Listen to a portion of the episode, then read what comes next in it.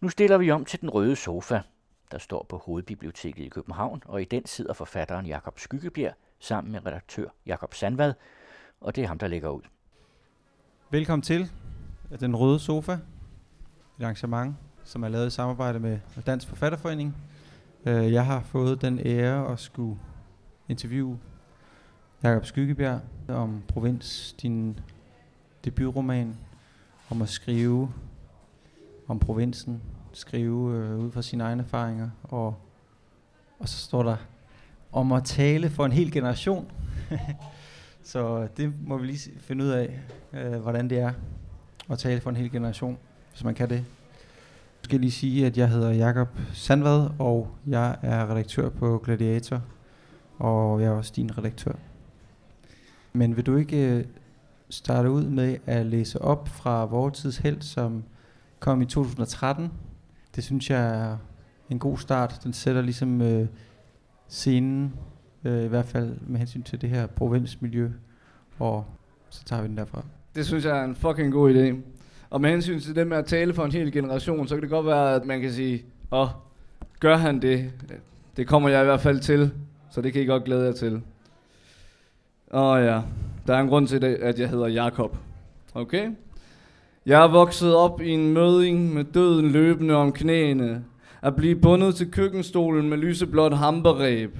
At mærke sine kræfter forsvinde der. At acceptere tilværelsen. At vokse op i den her rasende storm. Første kapitel. Man kan tale om traditioner. At man tørrede fingre i sofaen.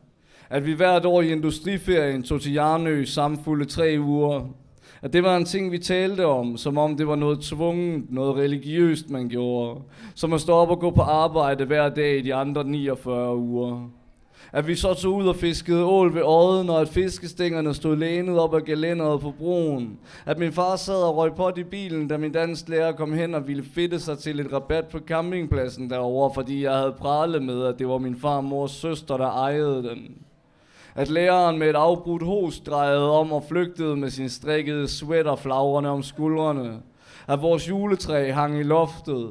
At vi handlede ind hver torsdag og altid købte 16 liter mælk. At bønderne var svin og de kristne idioter. At det var uden betydning, når lærerne mente, at jeg skulle gå til noget for at blive styrket socialt. At min far, mens han var arbejdsløs, kunne komme forbi og hente mig ved skolen, men hvis jeg ikke stod klar, kørte han igen at min matematiklærer så tog mig med i sin mands hjemmerestaurerede Jaguar og kørte mig hjem. At lærernes hæmningsløse råd til forældrekonsultationerne kun resulterede i, at jeg græd som en pisket. Jeg græd og græd, men de blev ved. Jeg var blot sort af gråd, når vi kom ud i bilen, og det stoppede som ved et tryk på en kontakt. At der ikke var noget, der kunne lade sig gøre. At min mor ikke kunne trylle, og alt, alting ifølge hende afhang af denne magi at alting var så godt, som det kunne blive. Man ventede på døden, at komme nogenlunde smertefrit ind i den, uden at søge eller undgå den. At killingerne altid skulle halshugges inden for en uge efter fødslen. Når de begyndte at få øjnene, blev de fyldt med fede kugler og betændelse. Min mor prøvede med kamillete. Det blødte det lidt op, men næste dag havde det så gjort det værre. De små kattepip i smerter lige fra fødslen. Højere og højere. Små stikkende piv ind og ud mellem hinanden i alle retninger som nåle i en målepude. Hver gang måtte hun give op og indse, at der ikke var andet at gøre end at tage dem med ud i stallen og hugge hovederne af med en spade. Ligesådan var det med gederne. De større dyr levede nogle måneder, 6 til 9 måneder, og så begyndte de at dø en efter en. Det tog lidt over en uge, før de alle var døde. På et tidspunkt nåede de at få et kid, og jeg nåede at lære det at stejle, når jeg satte en hånd ud for dets pande. Jeg er vokset op i en møding med døden løbende om knæene. At blive bundet til køkkenstolen med lyseblåt hamperræb. At mærke sine kræfter forsvinde der. At acceptere tilværelsen. At vokse op i den her rasende storm. Som barn kunne jeg ikke finde nogen anden forklaring på min intelligens, end at jeg skulle stramme fra rummet. Så kiggede jeg op mod stjernerne og forsvandt derop i uendeligheden, blikket i frit fald derud. Man kunne virkelig få lov at blive svimmel. Det var en fornøjelse og stimulans. Jeg glemte igen og først genfandt på et lille rødt syredot i Horsens et par uger inden min 21-års fødselsdag. Mindet om, hvem jeg var. Et fireårsbarn i en redningskrans imellem springende bølger. Et ekko af et genfærd. En smældende barnestemme kastet omkring mellem væggene i et hvidt rum. Det kastede sig over mig bagfra som en frodende ulv af erkendelse. Indtil jeg var 12, var den idylliske koteletgrund altid fyldt af stanken fra fabrikken Daka, der lå 7 km borte. Så blev de påbudt at få bygget en højere skorsten med filtre på. Så lugtede der kun, når de rensede filtrene. Hvordan håbet svandt med hvert kul af døde killinger, hvert forsøg på at have geder eller heste, hver gang Daka måtte kante en af deres røde lastbiler op gennem grusvejens buskaser. Jeg flyttede til Aarhus for at gå på journalisthøjskolen. Det tog et par måneder, før stort set alle mandlige undervisere havde set sig onde på mig. Selv den flinke onkel med den stribede halsklud, vi havde fået som lærer på første modul. De kvindelige lige modsat. Det var ikke til at vide, hvad der var rigtigt og forkert. Det havde ikke noget med virkeligheden at gøre, og jeg stoppede igen. Måske er jeg et produkt et barn af tiderne, ja, men på grund af den måde, tiderne formede mine omgivelser. Jeg er et barn af finanskrisen, et barn af treholdsskiftet, et barn af ungdomsoprøret og Vietnamkrigen og hungersnøden i Afrika, af splittelsen i de gamle stærke samfund omkring spørgsmål om homovilser og kvindelige præster, af fattigfirserne og et barn af min fars opvækst i et fugtigt baghus på Sønderbro i Horsens, hvor otte unger måtte dele som en vaskebælge til at bade i hvor der ikke var sodavand eller is eller slik for den sags skyld, men i reglen en halv bøf til hver og masser af buddrengearbejde og ingen lovgivning på området. Hvis man ville, måtte og kunne man få arbejde. Et barn af min farfars drikkeri og hans fars, men også et barn af min morfars forsvinden fra familien, da min mor var to, og af min mormors og oldemors indlæggelser på psykiatriske afdelinger i hver deres generations tid. Et barn af historien om min onkel, der ville smide min mor ud af vinduet, fordi hun klagede over for meget fedt på en halv gris, vi havde købt af dem. Og om min fars fætter, der stak øjnene ud på sin kone med en stegegaffel. Og om hans søn, der blev sindssyg efter et slag i hovedet med et jernrør, begik mor og endte med selv at tage sit liv i fængslet. Jeg kunne komme kørende med min mor i hendes falmede blå Ford Fiesta, og pludselig på afstand se en sortbroget mælkeko ligge i siden af vejen og være helt pustet op. Og som man kom nærmere, blev der ved med at udfolde sig et væld af detaljer omkring den ko. Alt det grønne rundt om flimrede og blev levende. Fluerne lettede. Prøv at se den ko der. Den har fået mund- og klovsyge. Sådan lå der også en gang imellem et svin i kanten af marken ved de lokale svineopdræt. De var over det hele. Jeg gik i klasse med Jesper, hvis far havde mange tusinde svin i sine stalle. Vi legede tit og svingede os rundt i stængerne i en gammel transportvogn. Jespers mor serverede lasagne og sagde, hun regnede med, at jeg kunne spise meget. På et tidspunkt sagde hun noget til min mor om dengang hun boede i Vejle og var alene med Jesper. Det var noget, jeg ikke vidste, og jeg vidste heller ikke, om Jesper vidste det. De her blålilla udtværede stempler. Vi havde udstilling med kæledyr i klassen, og Jespers gris kunne ikke komme tilbage i besætningen på grund af smittefare. Den endte hjemme ved os. Den fik en bås i stallen, der blev blokeret med europapaller, men gysse, som min storebror døbte, den brød igennem igen og igen. Flere paller, mere ræb. Min far gik tur med den som en hund, den bløjede mælkebøtter op med trynen. Den trak ham ned ad grusvejen om aftenen, og deres omrids tegnede sig mod den orange himmel over markerne i horisonten. Der var raps og majs og havre. Han var i gul fløjelsjakke. Om natten brummede traktorerne, og duften af deres høsten kom ind gennem vinduet. Gysse spiste alt, hvad man gav den, og vi sagde, den elskede lakrids og øl. Den skulle have været slagtet, men den døde også. Det var for meget for min far. Jeg fik skylden. Det var også min skyld med gederne. Det var gået fint, før jeg kom. De havde haft heste, og hunden, der havde ligget og brækket sig ihjel på Jarnø. Hvad var det for en sygdom? Han sagde, jeg stjal og brændte CD'er. Så kom de og hentede mig min nye familie. Jeg stod ved grusvejen med en sort, næsten rund sportstaske og en rygsæk. De kom i en rød pickup med store luftindtag og udstående skærmkasser i kulfiber. Det var faren og sønnen. Tak, Jacob. Tak, Jacob.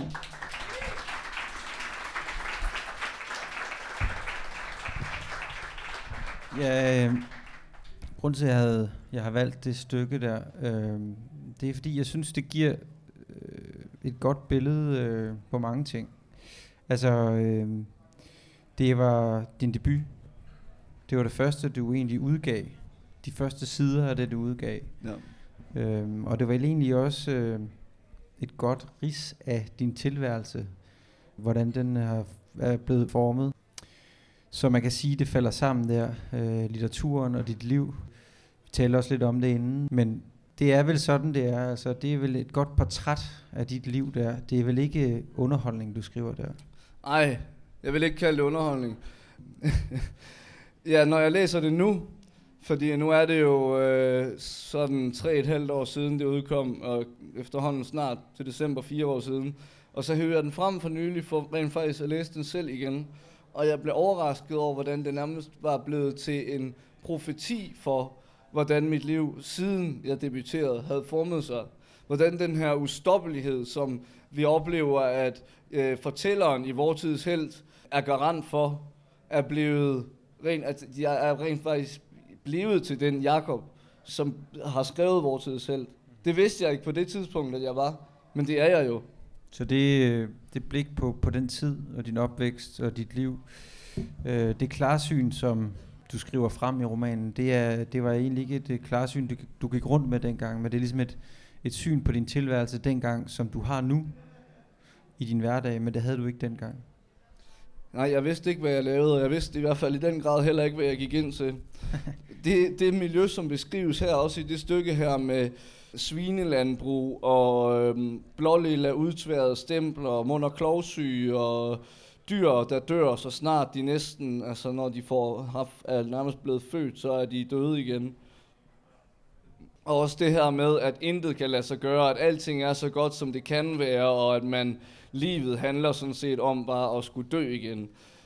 Det siger meget præcist den mentalitet, den religion, som hersker der, hvor jeg kommer fra. Og det er øh, omkring Hedensted?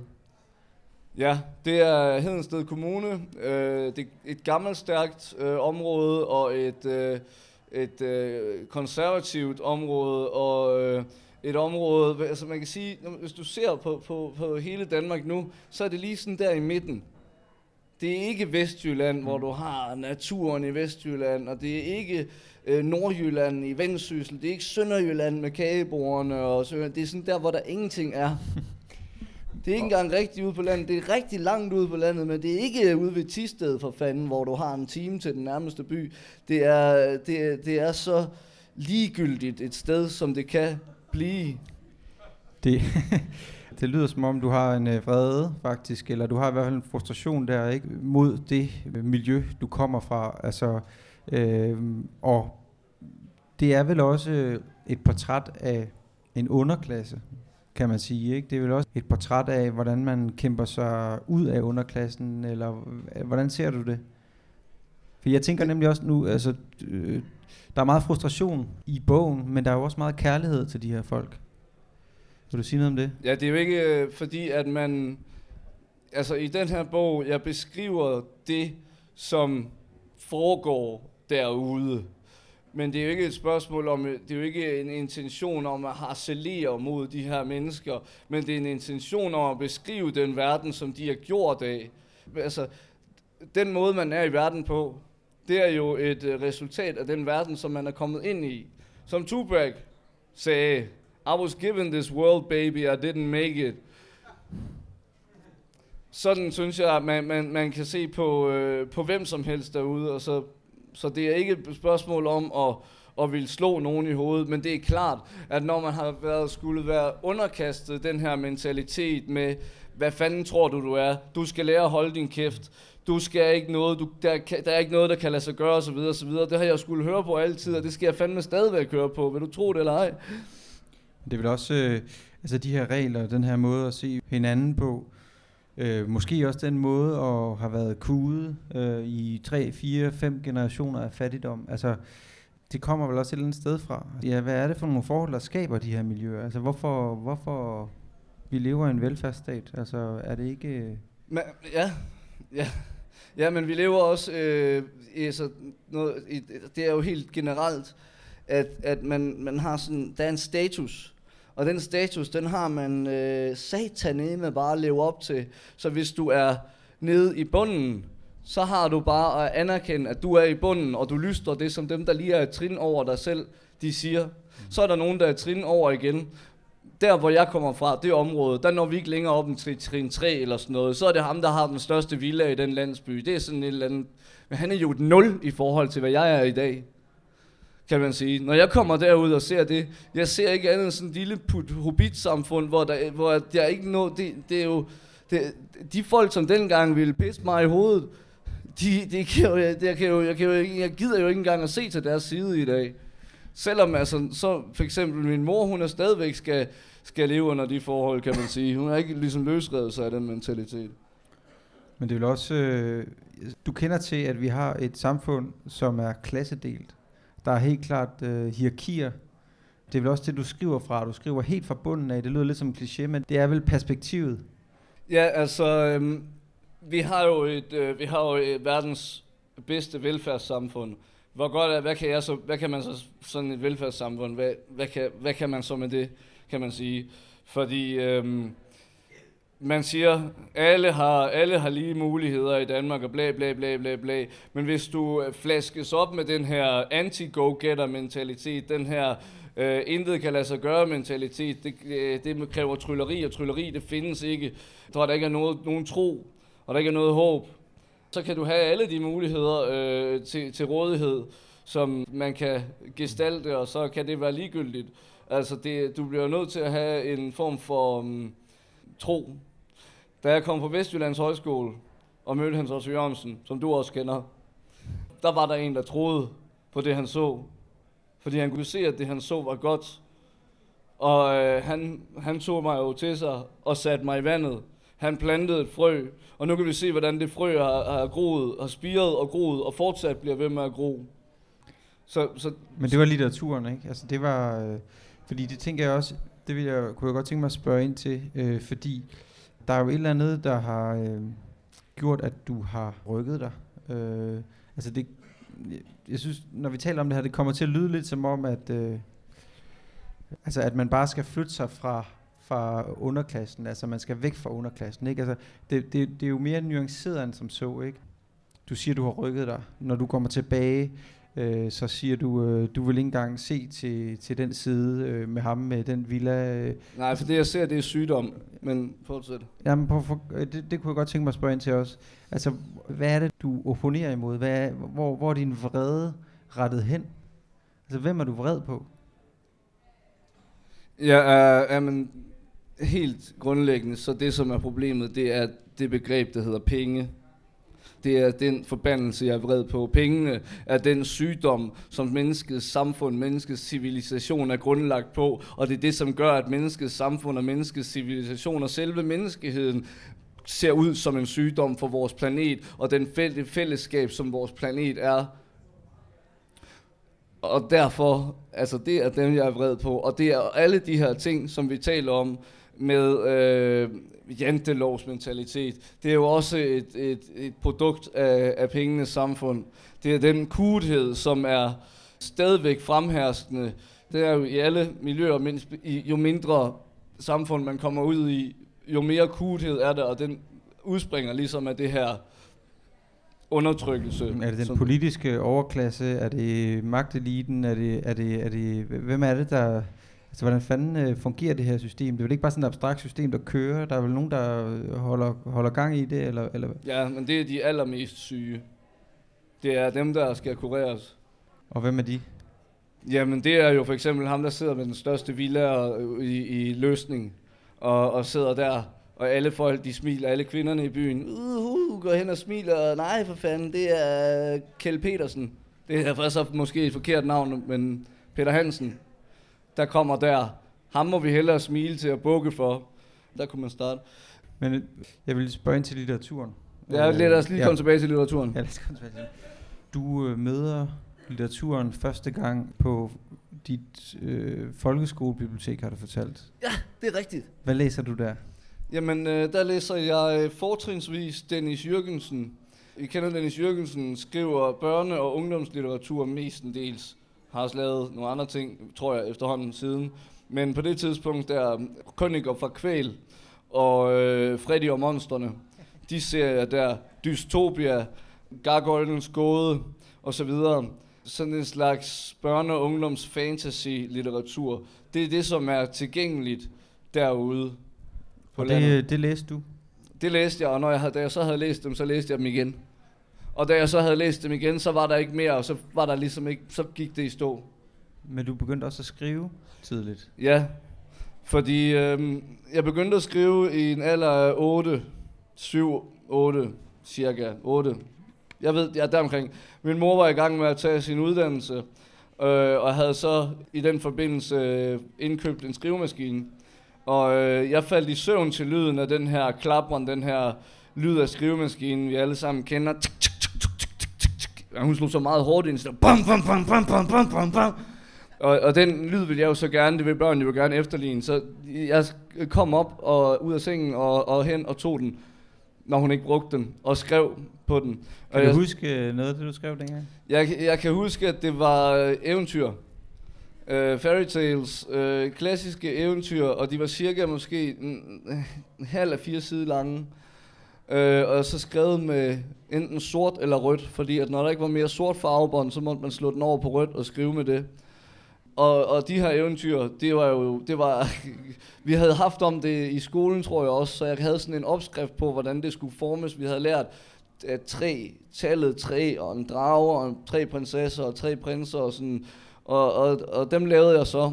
Og de eventyr tog min mor så med op i børnehaven, hvor hun var i praktik, og læste dem op for børnene. Så man kan sige, at jeg allerede på det tidspunkt var sat lidt uden for fællesskabet.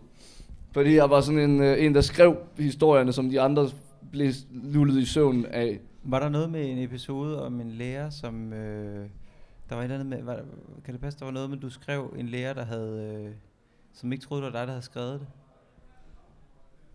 Jeg kan huske, at i folkeskolen, øh, det, er, det er faktisk den samme lærer, som i vortids held flygter med sin øh, strikkede sweater flagrende om skuldrene. Det er et stykke, vi lige hørte. Øh, ja, så kom jeg op og havde skrevet en stil på 12 sider, og så gik han amok og sagde, at det ville han i hvert fald ikke røre ved. Det skulle, så skulle han sidde og rette det igen. Hvad fanden bildte jeg mig ind? Hvad fanden er det for noget? Og hvad er det for noget? Det startede med sådan noget med nogle zombier og sådan noget. Det var da ikke... Det, havde, det var jo ikke... Det var uoriginalt. Jeg tror, det var det, han sagde. Det er jo også den der, øh, du skal kraftedeme ikke tro, at du er noget mentalitet, som er fremherskende derude i, i, i ja. Men du stoppede så med at skrive? Og du stoppede ja, med det, at læse? Det, så den, det er, men det der er faktisk fedt, du hiver det frem, for det er et rigtig godt eksempel på, at den mentalitet, den kommer til ord og, øh, og, og gør sin virkning. Fordi at jeg så, det er med til at fratage mig det håb. Fordi at på det tidspunkt, der var også en forfatter ude på vores folkeskole, og, og jeg tror, det var ham, der havde fortalt os det der måde, eventyr skulle skrives på. Øh, og havde også sagt, nej for satan, fordi jeg kom med sådan en hæfte, der var helt fyldt. Øh, hvor de andre, der, de skulle sparkes i gang og tvinges til at skrive en halv side i det der hæfte der. Det var sådan en håndskreven, med, hvor man skrev skønskrift og agtigt, tror jeg. Jeg kom med et rødt og et gult og et grønt hæfte, og, øh, øh, øh så, men han tog jo så væk igen. Han var der kun en dag. øh, så, så, flere øh, forfatterbesøg på skolerne. Ja, præcis. Så man kan sige, at du skældte dig ud, fordi øh, du var en af de eneste, der gjorde det. Øh, eller i hvert fald, det ved jeg ikke, om du var. Men, men der, var, der var vel et eller andet ved det, som, øh, som, som var interessant, som du godt kunne lide. Altså, øh, og som du måske senere Det er, ja, men det er også nogle af de ting, jeg kender mere og mere og mere, øh, hvorfor at jeg er blevet sådan et kreativt menneske, som jeg er. Fordi jeg kan nærmest ikke foretage mig noget. Jeg kan nærmest ikke undgå at være kreativ. Og jeg kan nærmest ikke, jeg kan ikke foretage mig noget, uden det skal gøres på en eller anden sjov, kreativ måde. Og det er jo også, øh, kommer sig jo også af den her opvækst, i, hvor, hvor du er overladt til dig selv. Og du måske er spærret inde i et mørkt rum i et par timer. Så bliver du nødt til at opfinde en verden og begynde at digte og skabe selv. Fordi der ikke er noget som helst, og der ikke er nogen mennesker. Så alle de ting, som er måske mere hårde, det er jo så ting, som faktisk er så hårde, at jeg ikke engang har været i kontakt med dem og har skrevet dem ind i vores tid selv. Jeg kan også huske, at vi redigerede den sammen. Der tog vi nogle ting ud, fordi det kom til at virke så meget for, som et angreb på, min, på den baggrund, eller på, på min familie, øh, at det var ikke, det vil, men det måtte ikke blive læst som, så det, det har vi taget ud. Men øh, nu, nu var kulturjournalisterne så alligevel i stand til at læse den som en, øh, en beretning om social klasse lort, og, og, og hvad de nu kunne kalde det. Men den her øh, meget øh, øh, omsorgsvigtede øh, opvækst har gjort mig til den entertainer, som jeg er blevet i dag, og, og har også givet mig det drive. Der har flere ting, øh, der har... Men hvad er det vi... Altså, fordi så var du så væk fra litteraturen i et stykke tid, Ja. hvor du lavede alt muligt andet, kan man sige. Det kan man også læse om i bogen. Men du møder litteraturen igen. Var det på højskolen, eller øh, øh, hvor var det, du mødte og begyndte at læse igen, eller var det... På- På et lille rødt syredot i Horsens ved min 21-års fødselsdag, som der stod, der indså jeg, at øh, det var ikke mig. Jeg måtte ikke nødvendigvis øh, være leve i det der nonsens, intetheden i øh, Horsens og arbejde på fabrik og bare gå og ikke passe ind der. Jeg måtte erkende, at jeg var en kunstner. Og, eller en kunstner, men i hvert fald et eller andet. Så andet det var et øh, LSD-trip, der ligesom Ja. gav dig en åbenbaring, så du kunne se tingene fra et andet perspektiv, og, Jeg kunne pludselig- og, og gav dig mulighed for ligesom at flytte dig, eller hvad? Ja, fordi at jeg havde undret mig over, at det var ligesom om, jeg passede ikke ind i det der miljø. Og man tænker jo sådan, Nå jamen, et miljø, hvad er et miljø? Jamen, jeg, jeg er jo bare her, og passer jo ind så godt, som jeg nu kan. Og hvis ikke jeg passer ind, så er det jo bare mig, der er noget galt med. Så øh, der kunne jeg pludselig se, jamen for helvede, de her, ah, de her mennesker, det er jo ikke mig. Det har ikke noget med mig at gøre. Så jeg så jeg sådan, okay, hvad er det nu, jeg er? Nå ja, jeg har jo altid spillet skuespil, og jeg har jo altid skrevet, om så at jeg er blevet afholdt fra og afvist og, og, og pisset på, hver gang jeg har sagt, jeg kan skrive, hver gang jeg har sagt, jeg kan spille skuespil, så øh, er det altid det, jeg har været, så det indså jeg der. Du må tage den der optagelsesprøve til Journalisthøjskolen og tage til Aarhus og gøre noget ud af det. Så det gjorde jeg. Og der så efter den, øh, den tur med det, med det syretrip, så øh, gik jeg på biblioteket og gik i gang med at læse igen. Jeg havde en ven, der hed Morten, som havde øh, fortalt mig om nogle af de forfattere, som han læste. Og, og det var så, der startede jeg så Charles Bukowski. Mm. Øh, gik jeg straks ned og hæv øh, hele, øh, i hvert fald den del af forfatterskabet, som er oversat til dansk, hjem og, og, og kværnede det. Jeg synes nemlig, det er interessant det her med litteraturen, fordi ja, nu har du skrevet, øh, udgivet øh, tre romaner, og der er en øh, fjerde på vej her til marts. Øh, Indeed.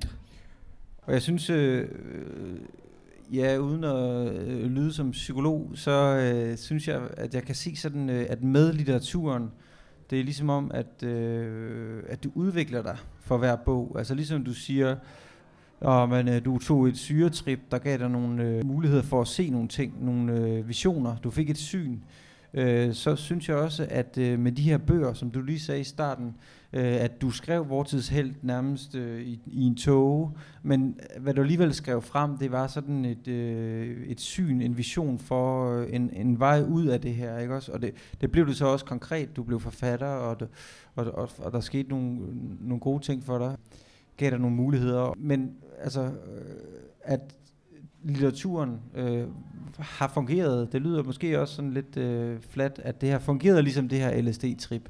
Altså at litteraturen, ikke fordi øh, at det handler om at tage stoffer, men at det handler om, at øh, man går et sted hen, hvor man går ind i et rum, som er litteraturens rum, som du kendte fra din barndom, og som du lærte senere at kende, hvor der er plads til eftertanke, refleksion, der er plads til analyse, der er plads til øh, at tænke sig om. Det er et godt sted at være.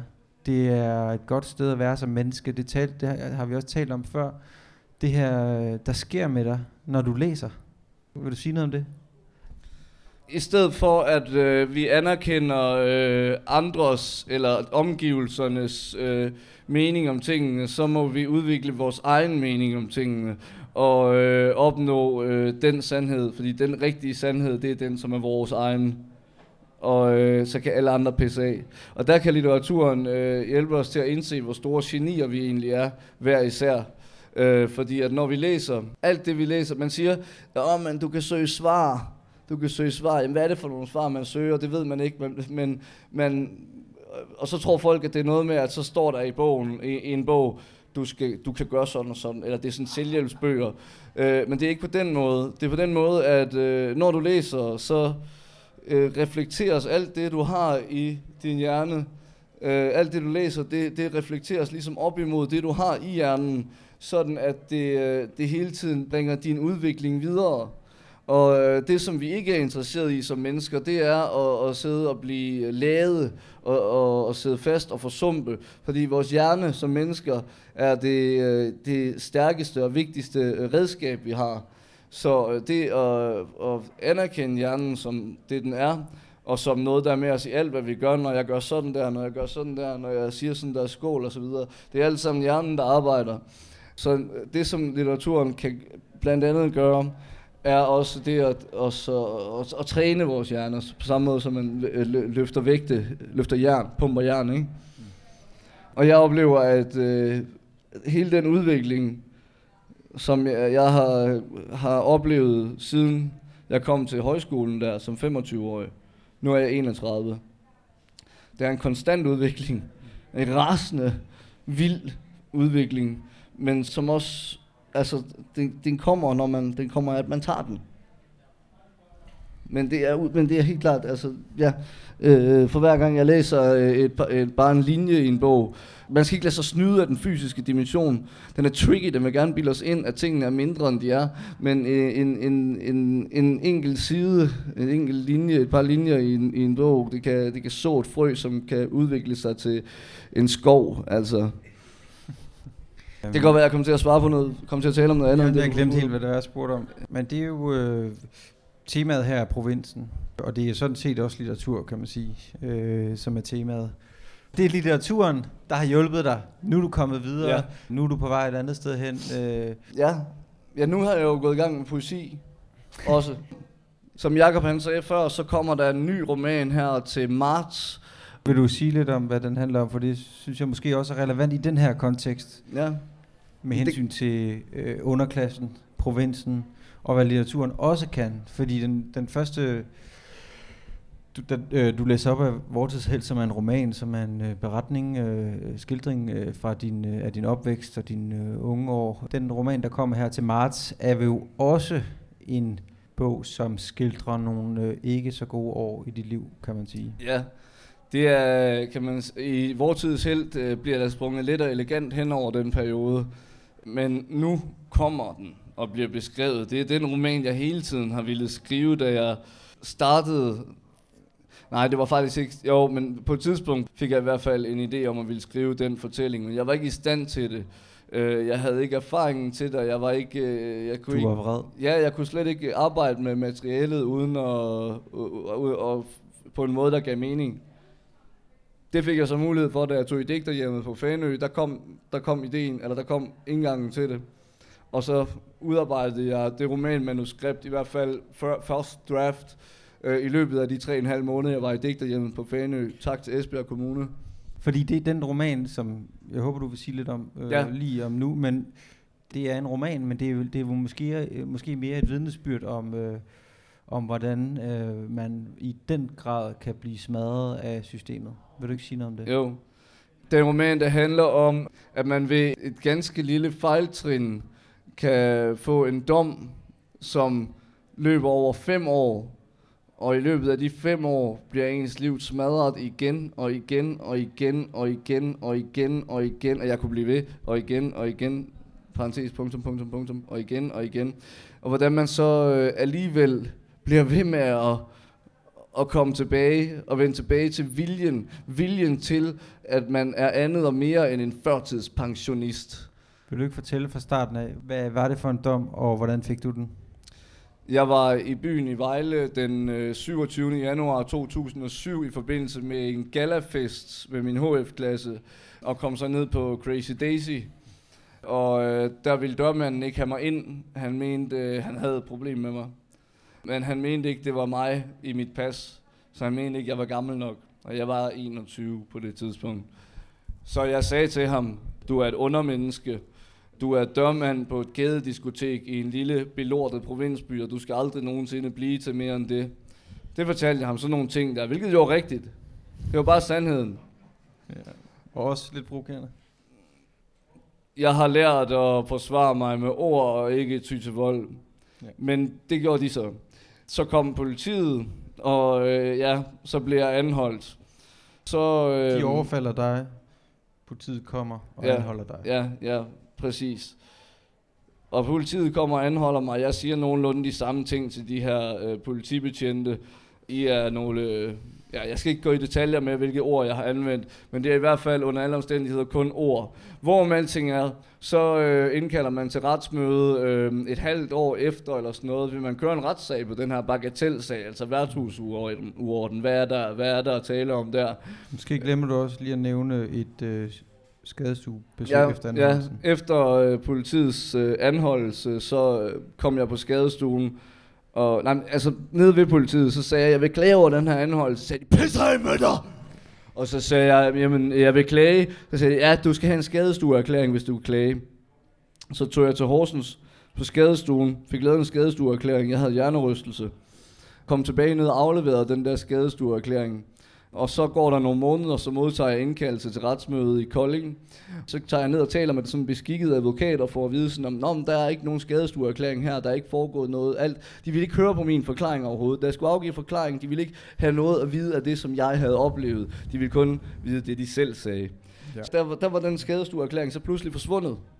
Så øh, jeg tog til Horsens igen og skaffede skadestuerklæringen igen. Tog til Vejle med den, afleverede den. Betjenten kiggede på mig og rullede med øjnene og sagde, har du overhovedet været på skadestuen? Jeg ved ikke, hvordan de overhovedet kan få den idé, men de er jo retarderede. Undskyld. De skal dø. Du er meget vred på politiet, men Evigt. så sker der det. Ja, så sjovt nok, så da jeg kommer med den skadestuerklæring, så bliver retsmødet så med udsat på ubestemt tid. Den kommer lige bagefter meddelelsen et brev.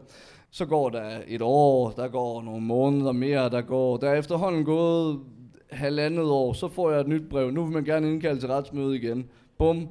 Det retsmøde er så berammet til den øh, 23. december 2008. Det vil sige, det er godt, øh, det er omkring to år efter, at den her lille hændelse har fundet sted øh, ved Crazy Daisy i Vejle. Og du bliver tiltalt for vold mod politiet. Jeg blev tiltalt for vold mod politiet. Jeg skulle have nikket betjent Severin Skallerup en skalle. Hvor komisk og dumt kan det lyde øh, og derudover så skulle jeg have kaldt Lars Dør, dørmand, for, for ukvemsord. Og så skulle jeg have sparket betjent Tommy Sørensen i maven. Og jeg har aldrig nogensinde i mit liv nikket nogen en skalle. Jeg aner ikke, hvordan man gør. Det prøver jeg at forklare dem. Men øh, det der så også sker, det er, at øh, øh, du taler med en ven om, øh, hvis du nu skal dømmes, er der et alternativ, du får en god idé. Ja, ja så taler jeg med, med min veninde, som siger, at hendes kæreste, øh, han er, han er kriminel. Så han har bare fået sin mentalerklæring. Så hver gang han skal have en dom, så får han bare en behandlingsdom. Så det får jeg anbefalet. Så derfor så, øh, så jeg siger, at jeg vil godt have, jeg vil godt have lavet, se, om jeg kan få lavet sådan en mental erklæring der, så jeg kan få en behandlingsdom. Så tager jeg ud til øh, distriktsyg, overlæge i distriktspsykiatri, øh, Trine Arngrim ude i Rigskov i Aarhus og øh, til møde med hende, og sidder der og snakker en halv time, en time med hende, øh, og får hende overbevist om, at jeg er ikke, altså jeg er for selve skuespiller, så jeg får hende overbevist om, at jeg ikke er i stand til en almindelig dom, at jeg skal have en behandlingsdom, hvis det er. Så kommer retssagen endelig. Skaderstuerklæringen er væk igen, og øh, det er mit ord mod deres. Igen er der ikke noget som helst, der hedder hårdhændet behandling for politiet eller noget. Jeg får en dom, øh, paragraf 119, for at have sparket Tommy Sørensen i maven og have nikket Severin Skallerup skalle. Og den dom, den, øh, den, Hvad lyder den på? den lyder på fem års behandling. Potentielt fem års behandling. Den lyder så, den, det den så går ud på, det er, at jeg skal komme til møder en gang om måneden, og det første møde, altså den her dom, den falder jo så den 23. december 2008, og jeg skal så komme til det første møde en gang i starten af marts 2009. Og øh, lige inden det, der starter jeg jo så på Journalisthøjskolen. Så fortsætter historien sådan her. Øh, jeg starter så på Journalisthøjskolen, og så under en samtale med en af de her undervisere derude, så fortæller jeg, at jeg har fået den her dom til behandling. Jeg aner ikke, hvad den der dom den går ud på. Jeg ved ikke, hvad det er, så jeg siger bare til ham, når jeg for helvede kammerat, jeg har fået den her dom til behandling. Om aftenen så bliver jeg hentet af politiet og indlagt på øh, lukket psykiatrisk afdeling i Rigskov. Og det er første gang. Jeg kan ikke forstå, hvorfor jeg pludselig skal indlægges, for jeg har ikke gjort noget. Jeg kunne forstå, øh, jeg forstod det sådan, at den her dom, den betyder, at hvis jeg udøvede vold eller anden kriminalitet, så ville jeg skulle øh, indlægges eller på anden måde øh, bringes i forvaring. Men øh, det, er, det er så det, jeg har forstået, og det er også rigtigt forstået. Det er på den måde, men der skete en misforståelse. Der skete en misforståelse, en kommunikationsfejl. Så derfor ryger jeg derud, og er derude. Når faktisk første dag, så kommer jeg derud, og så bliver jeg bare sendt hjem igen, for de kan godt se, at der er ikke nogen grund til, at jeg skal være der. Jeg ved ikke, hvad fanden der foregår, jeg kan ikke huske det. Deres papir i hvert fald, der står, at han skal hentes igen. Så jeg bliver hentet igen næste dag. Og så bliver jeg indlagt og tvangsmedicineret fire dage, fordi der ikke er en læge til stede, der kan udskrive mig, fordi det er weekend. Så jeg går glip af intro, introfesten der på journaliststudiet. Så kommer jeg ud igen, og så er jeg kraftet med sur. Hmm. Fordi... Det var de, første gang. Hvor mange gange blev du indlagt? Seks gange. I hvor lang tid? I løbet af de fem år. Første gang fire dage, næste gang 14 dage, næste gang en uge, så var det 10 dage, og så kom de så de to måneder på retspsykiatrisk i Viborg, og så videre. Ja. Altså du, øh, du bliver indlagt, de vil tvangsmedicinere dig. Øh, nogle gange så er det fordi, du udbliver til et møde. Ja, altså den dom, den går rigtig dårligt i gang med den der øh, miskommunikation, der gør, at jeg bliver indlagt første gang. Så da jeg kommer til næste møde, så siger jeg, jeg vil fucking have en undskyldning for det der. Det kan ikke passe, det kan ske i et land som Danmark. Men det er de ligeglade med. Det gider de overhovedet ikke at høre på. Jeg skal bare komme til mine møder, og så ellers holde min kæft. Det vil jeg ikke. Plus at du ikke er sindssyg. Nej, netop. Jeg siger til dem, en alle samtlige af jeres medarbejdere i de fire dage, jeg var ude på jeres lille lortehus ude i Rigskov, de kunne se, jeg blev, taget, jeg blev behandlet, som om jeg var en ansat. De kunne ikke se, hvad jeg skulle være der for. Det har jo også nogle vilde konsekvenser, ikke? At blive sat ind sådan et sted. Jeg får i den grad det der stempel. Fordi at øh, der bliver dynget mere og mere øh, lort og pis ind i journalen. Sådan at øh, det, altså når lægerne sidder og vurderer, øh, at man skal indlægge, så kigger de i deres journal. De kigger ikke på, okay, han går på journalisthøjskolen, okay, han arbejder ved musikmagasinet Gaffa, okay, han er udtaget til Danish Open i stand-up, okay, han har en strålende musikkarriere kørende, okay, han er femstjernet forfatter. Nej, nej, de kigger i journalen, pff, står der et eller andet lort, som de forholder sig til. Det er godt, du har skrevet den bog. Fordi nu har du skrevet hele historien ned, hele forløbet med retssagen og... Øh ja, ja, altså de der seks gange, kan man sige, Første gang er det på grund af, at der er en anden form for miskommunikation, som jeg aldrig har fået korrekt klarlagt, fordi der ikke er nogen, der vil tage ansvar for noget som helst. Øh, anden gang er det på grund af, at jeg så har udvist sympati med en, en Facebook-gruppe. Det er lige da Facebook kommer frem. En Facebook-gruppe, der øh, sympatiserer med Palle Sørensen. Øh, har jeg skrevet et eller andet, som så mange andre af de flere tusind medlemmer har gjort, men jeg bliver så sat fast for det. Mm. Tredje gang er det på grund af, at jeg ikke kommer til møde. Øh, fjerde gang, øh, jeg kan ikke huske det, øh, det, det samme nærmest. Femte gang er det på grund af, at jeg så er flyttet til København, og sagen er blevet tabt i systemet. Og så sjette gang er det på grund af, at jeg er, har lejet et værelse ved en mand, som er manio-depressiv og skizofrid et eller andet og som er uudholdelig, og derfor har jeg undgået ham i en måned, men han ved også, at jeg har den dom der, så derfor har han meldt mig til politiet for dødstrusler. Og så kommer politiet bare og henter en og, og lægger en i håndjern, og man siger til dem, øh, gå dog for helvede ned og snak med ham, der har anmeldt mig. Han bor nede på det værelse, der han sidder der med dildoer ud af ørerne og lever af studenterbrød og ryger has. Det gider de ikke, de satans forpulede pansersvin. Man kan sige, øh, det er godt, du har skrevet den bog, fordi så har du øh, fortalt om det her forløb. Det kommer vi til at læse om øh, til marts. Jeg tror, det er en roman, som virkelig kommer til at sætte gang i debatten med hensyn til vores øh, psykiatriske system. Og det jeg vil spørge til, det er jo netop også en bog, som du siger, du kunne skrive nu. Den kunne du ikke skrive for 3-4 år siden. Du var for vred. Øh, men du skriver den. Hvad er det, øh, litteraturen, øh, den har ligesom hjulpet dig til at få det her sagt, eller hvad, hvad er det? Ja, det har den i den grad. Og det vil også det, jeg mener, når jeg siger, at Hans Otto, han såede et frø i sin tid, som vokser og vokser og vokser. Og nu går jeg på skuespillerskole, fordi nu har jeg skrevet den roman, og den ligger klar ved dig, og den udkommer til marts. Så nu har jeg tid til at, at stoppe og holde en pause fra det konstante skriveri. Og øh, jeg har jo arbejdermentalitet, der skal arbejdes, arbejdes, arbejdes, arbejdes. Så nu kan jeg dedikere mig fuldt ud til skuespillerskolen, og, og så kan, kan jeg blive ved med, at, og mit forfatterskab fortsætter med at udvikle sig. Og hvad, hvad vil du med dit forfatterskab? Altså, hvorfor har du skrevet de her bøger? Er det kan bare... jeg, jeg kan desværre ikke afsløre, hvad, hvad målet er. Okay. Men ja, det vil jeg også sige, øh, det som vi kan læse om i vores tids held, den opvækst, det her med at blive spærret inde i et skab, når man er ked af det, eller blive bundet til stolen, når man er glad, og alle de her ting. Og også den her fortælling hjælp. Det er alt sammen ting, der har været med til at udvikle mig til at gøre til det her ukulige individ, som jeg er i dag, og det her unikke individ, for der er ikke nogen, der er som jeg. Og når jeg kom ud til mine venner her for et par måneder siden og sagde, Nå, nu skal jeg skulle starte på skuespillerskole, og de så siger, hvorfor vil du det? Øh, Og det kan man da ikke, det er da noget helt andet end at være forfatter, det giver da ikke nogen mening og sådan noget. Så siger jeg, det kan godt være, det giver nogen mening for jer, fordi det gør det jo ikke. Det har jo ikke set før, men det kommer I til at se nu. Yes. Okay? Og hvis der er nogen, der tvivler på, at den historie, jeg fortæller der, som udkommer til marts, hvis der er nogen, der tvivler på, at det er the shit, the real deal, det største og det vildeste, den mest utrolige, groteske historie, I nogensinde har læst eller hørt om, så bare vent til den kommer, og så læs den. Det var vist det.